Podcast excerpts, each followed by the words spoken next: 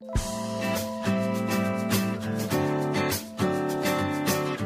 selamat sore teman-teman semuanya. Selamat datang di IG Live dari Cinetalk episode ke-72. Bersama saya Adam Pratama kita bakal ngobrolin film Indonesia terbaru yang akan rilis nih di Netflix pada tanggal 17 Juni, 17 Juni 2021 yaitu Ali dan Ratu-Ratu Queens. Nah, kita akan ngobrol-ngobrol barengan sama sutradaranya yaitu Lucky Kuswandi dan buat teman-teman yang belum sempat lihat trailernya langsung aja lihat trailernya udah rilis di Netflix. Jadi film ini dibintangi oleh Iqbal Ramadan.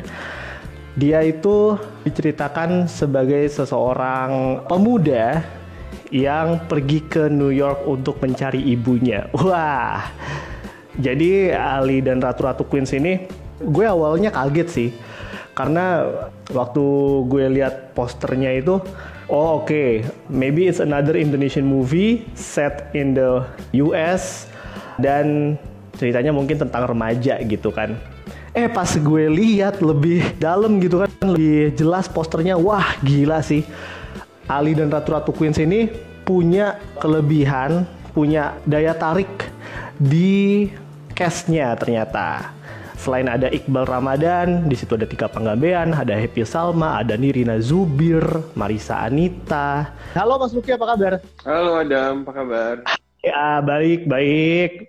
Ya, perkenalkan, saya Adam Pratama dari Cineverse. Senang banget bisa ngobrol bareng sama Mas Luki. Mas Luki lagi di New York apa lagi di mana? Iya.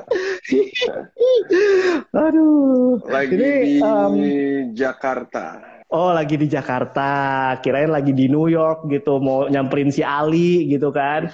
Ini pas pertama kali saya ngeliat posternya ya, langsung ada banyak hal sih yang mau ditanyain ke Mas Luki sih terkait dengan pencarian makna keluarga, kemudian soal nyebutnya mungkin imigran atau diaspora gitu ya di negara lain. Habis itu juga banyak sih banyak hal yang pengen di diobrolin. Tapi hal yang pertama yang cukup gak disangka-sangka sama saya ketika lihat film ini adalah nostalgia. Jadi dari premisnya justru mengingatkan kita ya chiller sama kartun Hachi. Ingetin banget ngingetin banget. Dan ini pas banget dengan lagunya juga masuk juga kan. Lagunya tuh cocok banget. Ali anak yang sebatang kara pergi mencari ibunya itu kan cocok banget gitu kan jadi keingetan banget sama Hachi yang sama-sama nyari ibunya ke mana terus juga akhirnya bertemu dengan orang-orang yang dia tak sangka-sangka tapi akhirnya juga mampu membantu dia untuk mencapai tujuan.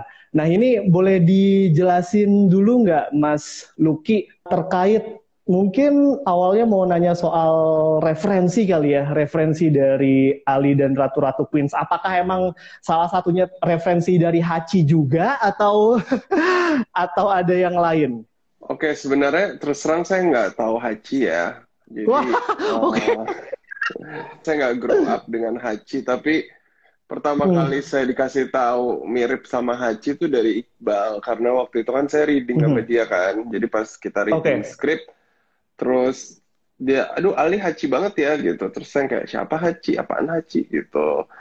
Jadi oh. maksudnya secara premis awal kan sebenarnya emang kita mau ngomongin soal makna dari keluarga ya. Keluarga itu tuh sebenarnya apa sih gitu? Apakah keluarga itu the people that we are born into gitu? Yang sebatas berhubungan darah atau keluarga itu bisa sesuatu yang lebih dari itu gitu. Uh, which is di kasusnya Ali sebenarnya ratu-ratu Queens gitu. Orang-orang mm -hmm. yang ngasih kita support system orang-orang yang mendukung kita orang-orang yang bisa menerima kita gitu. Dan itu uh, terdiri dari pertemanan dan dari strangers juga gitu. Ternyata bisa jadi keluarga gitu. Jadi dari uh, statement itu sih yang akhirnya jadi muncul ide dia mencari keluarga aslinya tapi dia menemukan the real family gitu loh yang not necessarily harus bapak ibu kakak adik gitu tapi uh, manusia-manusia uh, ini gitu jadi sebenarnya mm -hmm. lebih dari situ sebenarnya ide karakternya itu udah lama ya Ratu Ratu Queens tuh dari 2017 dari produsernya mm -hmm. Al Zaidi dan dari pengalaman pribadi juga dia dulu tinggal di Queens dan dia juga dulu tinggal dengan ibu-ibu Queens, mm -hmm. ibu Indonesia di Queens, imigran di sana. Dan dia jadi terinspirasi sama The Real Ratu-Ratu Queens gitu. Uh, oh, kemudian dari situ dia diskusi sama Gina Esnur, kemudian mereka menciptakan karakter-karakter empat ibu-ibu ini dan juga Ali gitu. Jadi waktu saya terlibat di awal 2019 okay. itu karakternya udah ada semuanya. Hmm, menarik nih. Jadi udah cukup lama ya tadi 2017 dan udah di setting sedemikian rupa gitu. Jadi emang udah cukup kuat lah ini untuk fondasinya sendiri. Itu untuk awal-awalnya Mas Lucky itu bisa masuk gabung join into the project itu seperti apa ya ceritanya? Awalnya saya dihubungi sama Edi sendiri ya dan Mbak Dede ya produsernya Palari. Kebetulan kan saya juga udah pernah kerja sama Mbak Dede sama Edwin di film pendek saya tahun 2015 gitu. Jadi kita udah pernah kerja bareng, tapi kita belum pernah bikin film panjang gitu. Jadi hmm. waktu itu saya dihubungi mereka, kemudian kita meeting, kemudian mereka bilang mereka punya film ini, Ali dan Ratu-Ratu Queens. Waktu itu masih sinopsis, belum jadi skrip Uh, hmm. Saya mau gitu, jadi saya ikut terlibat juga dalam proses development filmnya. Oke, okay. jadi untuk skripnya sendiri Mas Luki juga ikutan gitu ya, ikut nimbrung untuk nulis juga gitu, atau kasih pendapat-pendapat? Saya nggak nulis, tapi yang nulis kan Gina, tapi kan Betul. It's a triangle system ya antara writer, mm -hmm. director dan produser gitu. Maksudnya mm -hmm. kita selalu diskusi bareng, challenge each other gitu sampai akhirnya kita menemukan draft script yang kita udah cukup nyaman untuk mhm. -huh. lanjut ke proses berikutnya gitu. Jadi it's very organic process okay. sama Gina sama Edi.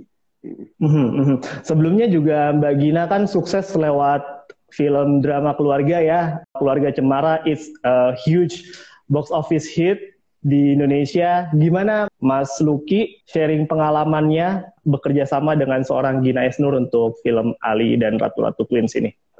Ya, yeah, obviously ini bukan skrip yang mudah untuk ditulis ya. Karena hmm. maksudnya kalau nanti tanggal 17 kamu nonton, filmnya punya banyak plot sebenarnya gitu. Ada plot okay. utamanya Ali, tapi juga ada cerita soal Ratu-Ratu Queens-nya, kemudian ada ah.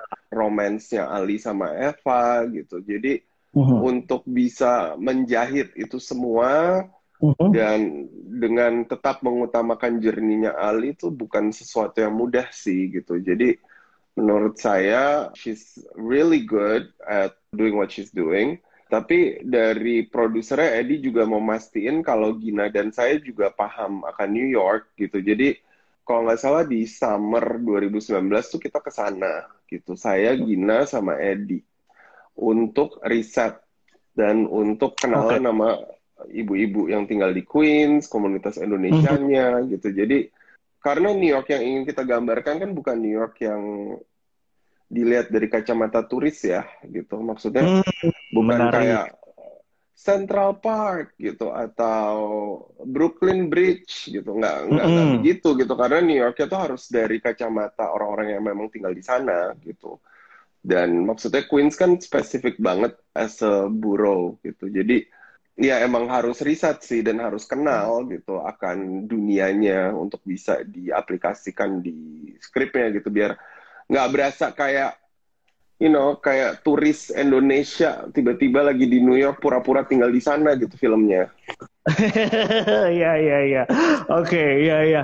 Ini nanti bakal kita obrolin juga lebih lanjut nih soal imigran yang ada di sana, terus juga Queens. Tapi sebelumnya saya mau drag back dikit dulu deh. Tadi ada pencarian makna keluarga yang ternyata didapatkan dari support system yang lain gitu. Dari Mas Luki sendiri, apakah juga pernah mengalami hal serupa sehingga makin memudahkan ketika mengaplikasikan itu di film ini?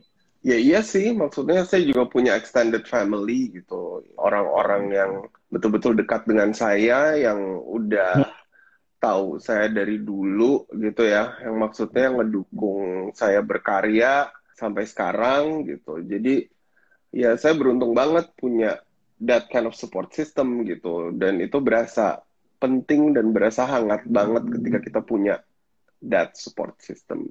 At least orang yang kita bisa curhatin gitu tanpa mereka ngejudge kita gitu. Jadi karena itu sih saya jadi relate banget sama Ali dan uh, koneksinya terhadap Ratu-Ratu Queens ini gitu dan itu juga kenapa saya mau gitu ngerjainnya karena kan kalau kita nggak familiar sama tema dari sebuah cerita tuh agak susah ya buat kita sedirector untuk masuk ke filmnya gitu. Kita harus cari Betul. every way gitu. Apa sih yang hmm. similar antara gue sama Ali gitu loh. Kalau nggak susah banget buat gue untuk bisa ngedirect gitu. Jadi ya itu gitu kita sama-sama beruntung karena kita punya that support system. Oke, okay, berarti sudah ngeklik lah ya sama filmnya, udah apa ngerasa oke okay, ini udah gue banget juga, jadi ngejalaninnya juga enak dan enak emang enak sih orang ke New York gitu siapa yang kagak enak gitu kan cuman ya itu New York yang disajikan di sini adalah New York yang berbeda New York yang bukan dilihat dari kacamata turis ini perlu digarisbawahin nih buat chillers juga yang nonton New York yang di sini tuh mungkin bukan seperti yang kita bayangkan sebelumnya. Nah, pendapatnya Mas Luki setelah riset, setelah lihat-lihat New York, especially for Queens ya.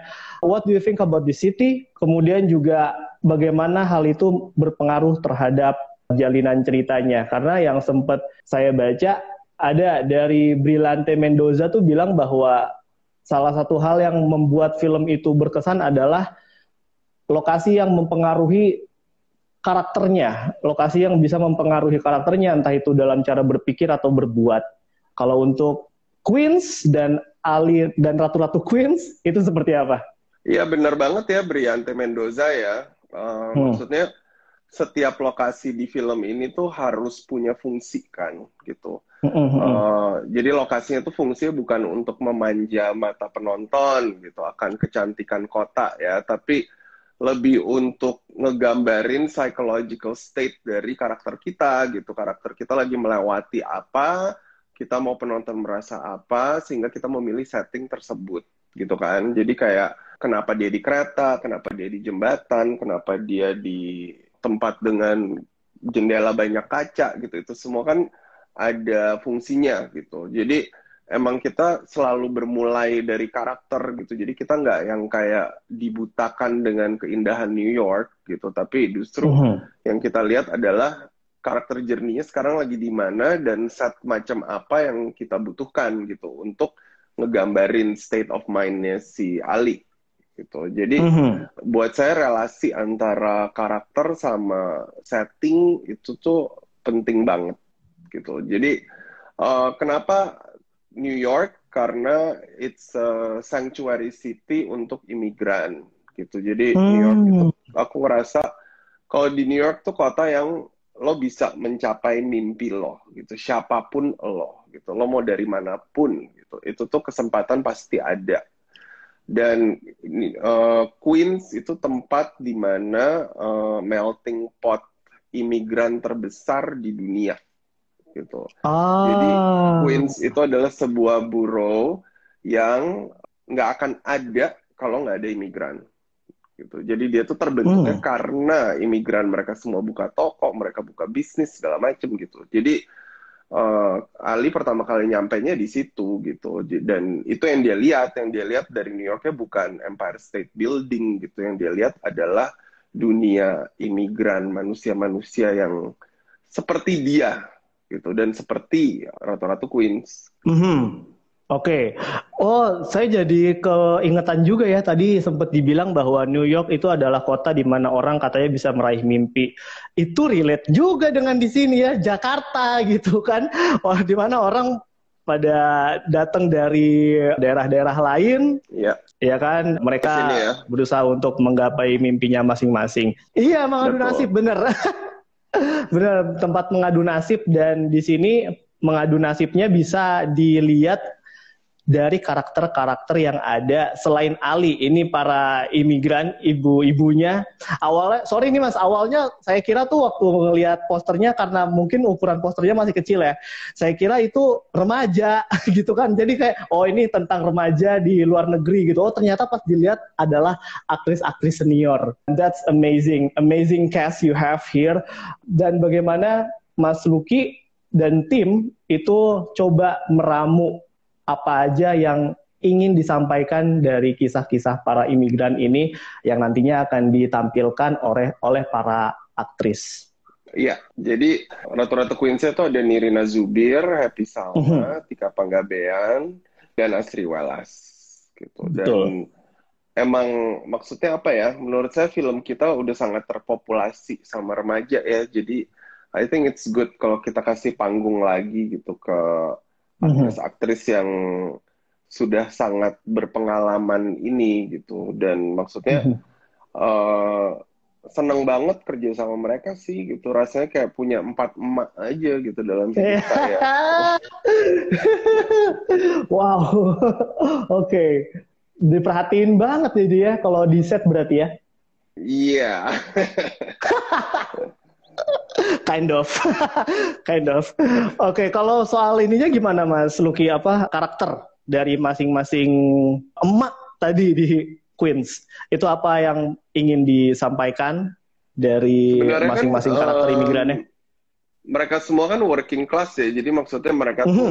dari Indonesia ke Queens itu mereka kerja apa pun gitu, yang penting kok bisa dapat duit gitu kan. Uh, jadi hmm. pekerjaan hmm. mereka tuh ada yang jadi paparazzi, ada yang jadi cleaning service di rumah-rumah orang gitu. Ada yang main saham, ada yang kerja di kantor pos, ada yang tukang pijet gitu. Tapi yang ingin kita sampaikan adalah mereka itu semua sangat bangga dengan apa yang mereka lakukan gitu. Soalnya kan kita sering ah. dengar ya, kayak kita sering dengar tuh kayak misalnya uh, migrant worker gitu yang pergi ke luar negeri gitu ya. Di sini misalnya hmm. dia punya ya di kampungnya misalnya dia punya sawah atau apa gitu ya. Kemudian dia ke luar negeri dan dia jadi pembantu gitu kan. Mungkin ada banyak hmm. judgement di sini gitu. Ngapain lo jauh-jauh ke New York kerjaan lo jadi pembantu ya kan? Gitu. Tapi orang-orang ini enggak gitu. Mereka they're very proud of what they do. Kerjaan mereka semuanya halal. Yang penting gua di sini gue bahagia gitu ya gue mendapatkan kebebasan gue di sini gitu jadi dan itu yang dari riset kita lakukan yang impression kita terhadap ya the real ratu-ratu queens di sana gitu sih maksudnya mm -hmm. they're very proud of what they do gitu dan buat saya itu honorable sekali orang-orang ini oke okay. Oke, okay. itu memang mungkin ada kayak coba di counter kali ya stigma orang mungkin terhadap teman-teman yang migran gitu kan. Cuman kalau saya lihat nih walaupun baru sebatas trailer itu dengan cara yang tidak apa ya tidak kelam kali ya caranya lebih fun lebih encourage dan juga pastinya lebih inspiratif gitu di Ali dan Ratu-Ratu Queens. Nah kalau soal Iqbalnya gimana nih Mas? Iqbal ini kan selama beberapa tahun terakhir itu menyita perhatian banyak orang. Pecinta film apalagi kan dia di Dilan box office, di Bumi Manusia juga box office. Nah, bagaimana Iqbal berperan di film ini menurut Mas Luki? Apalagi ya di, dia di sini berperan tidak hanya dengan satu atau dua aktris yang berpengalaman, tapi ada kali empat dan lima aktris berpengalaman. Itu seperti apa, Mas? Iqbal tuh aktor yang sangat berdedikasi terhadap craftnya ya.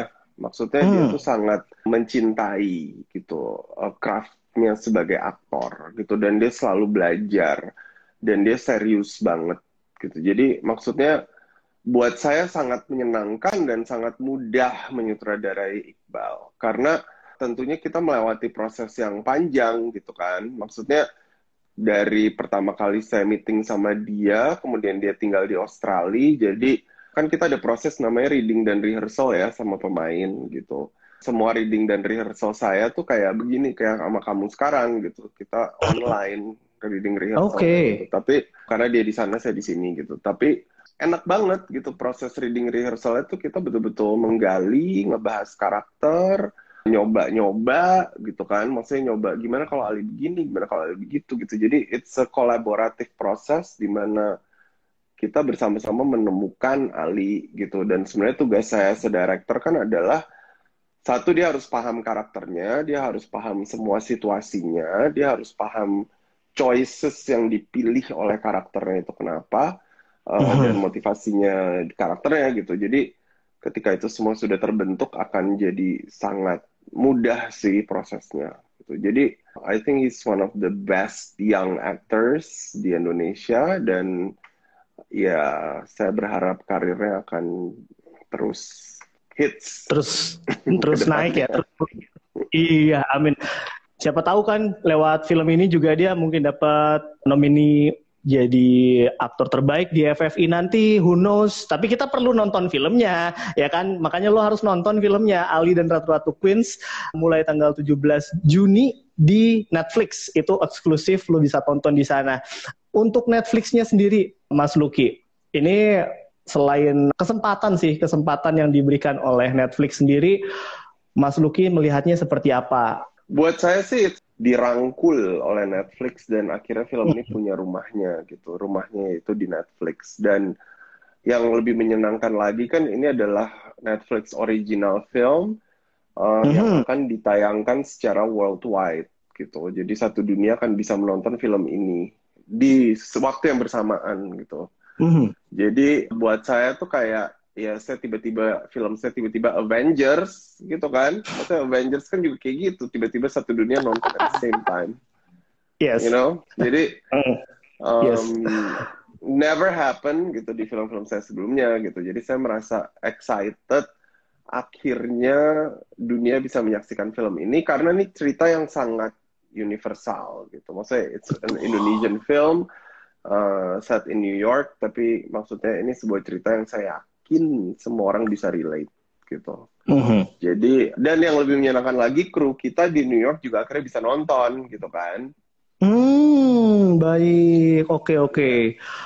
Itu berarti proses syutingnya ada yang timnya dari Indonesia, terus ada timnya yang dari New York juga ya, Mas ya? Iya, jadi ini kita syutingnya nggak yang syuting colongan ya di luar negeri. Maksudnya, um, it's a very proper shoot gitu. Kita mhm. bekerja dengan production company di sana, namanya Tiny Giant. Hmm, baik. Uh, dan semua perizinan, kemudian supporting actorsnya kan juga banyak yang asli New Yorker gitu. Jadi uh, pemain-pemain sana gitu. Ya pokoknya lokasi, pemain, kru, Astrada saya juga Eric Eric LaFrench itu dari sana gitu dan juga production timnya juga semuanya dari sana gitu jadi they really take good care of us sih intinya.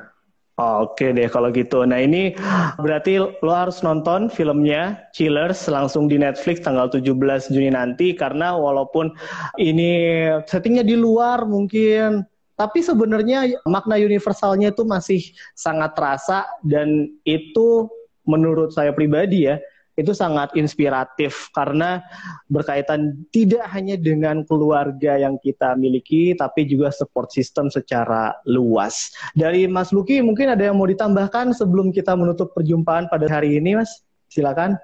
Pokoknya nonton Ali dan Ratu Queens 17 Juni di Netflix dan tolong post reaksinya karena ini film yang sangat apa ya it's so meaningful to me gitu. Jadi saya penasaran juga Mas Adam ya dan teman-teman yes. reaksi seperti apa? What do you think of the film? Semoga tersentuh, semoga bisa relate. Soundtracknya sih asik banget di film ini. Hmm. Uh, okay. Jadi you will be uh, entertained dengan Ali dan Ratu Queens. Oh ya terus kita juga ada hashtagnya ARRQ uh, udah ada Givi, Ali dan Tata yeah. Wings. Jadi bisa posting dengan Givi-Givi yang gemes. Di Twitter juga udah ada apa tuh namanya? Tweetmoji. Yes. Gitu. Jadi ramaikan, please. Oke deh, thank you kalau gitu Mas Luki udah ngobrol-ngobrol bareng sama Cinetalk di episode 72. Sukses untuk film Ali dan Ratu-Ratu Queens-nya. Sukses juga untuk karirnya ke depan dan stay healthy ya Mas. Salam Thank buat teman-teman yang ada. Makasih Adam. Dah. Iya. Bye. Iya, itu dia tadi Chillers kita ngobrol-ngobrol bareng sama director dari Ali dan Ratu-Ratu Queens, yaitu Mas Lucky Kuswandi. Banyak hal yang udah dia share, pastinya nggak semuanya lah. Kalau semuanya nanti lo nggak nonton lagi, ntar jadinya spoiler. Tapi lo harus nonton sebenarnya film ini. Karena apa? Karena selain stellar cast yang dimiliki oleh filmnya, Ali dan Ratu-Ratu Queens juga memiliki makna yang universal walaupun mungkin ada orang yang kayak skeptis karena uh, syutingnya di luar negeri, entah kayak turis atau apa. Tapi tadi seperti yang udah dikatakan oleh Mas Luki, ini beda. Memang bukan diambil dari kacamata seorang turis, tapi diambil dari kacamata kebutuhan narasinya. Seperti apa langsung lo tonton dan thank you banget yang udah join dari beberapa menit ke belakang di Cinetalk. Kita ketemu lagi di Cinetalk episode berikutnya. Bye bye.